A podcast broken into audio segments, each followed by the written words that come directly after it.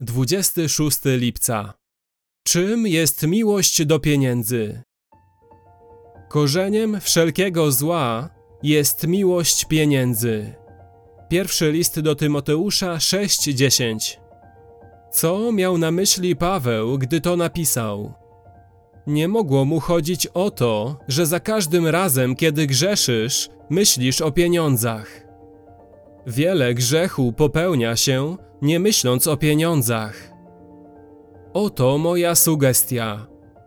Paweł miał na myśli to, że wszelkie zło na świecie pochodzi z pewnego rodzaju serca, a mianowicie z serca, które kocha pieniądze. Co więc znaczy kochać pieniądze? Nie chodzi o podziwianie zielonego papieru, miedzianych monet czy srebrnych cykli. Aby poznać, co oznacza miłowanie pieniędzy, musisz zapytać, czym są pieniądze. Odpowiedziałbym na to pytanie w następujący sposób. Pieniądze to po prostu symbol, który oznacza zasoby ludzkie. Pieniądze oznaczają to, co możesz dostać od człowieka, od innych ludzi, a nie od Boga. Bóg używa waluty łaski, a nie pieniędzy. Wszyscy, którzy macie pragnienie, pójdźcie do wód, a którzy nie macie pieniędzy, pójdźcie, kupujcie i jedzcie. Izajasza 55:1 Pieniądze są walutą zasobów ludzkich.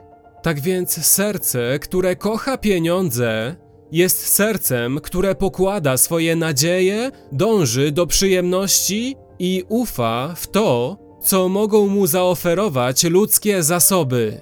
A więc miłość do pieniędzy jest w praktyce tym samym, co wiara w pieniądze.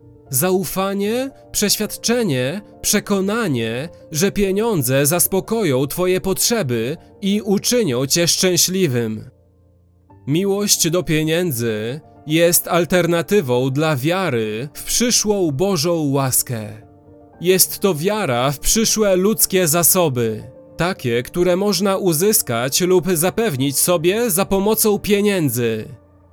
Dlatego miłość do pieniędzy, czyli ufność w pieniądze, leży u podstaw niewiary w Boże obietnice. Jezus powiedział w Mateusza 6:24: Nikt nie może dwom panom służyć. Nie możecie Bogu służyć i mamonie. Nie możesz jednocześnie ufać Bogu i pieniądzom. Wiara w jedno to nie wiara w drugie. Serce, które kocha pieniądze, które uzależnia swoje szczęście od pieniędzy, nie polega na tym wszystkim, czym Bóg jest dla nas w Jezusie, jako temu, który daje zaspokojenie dla naszych dusz.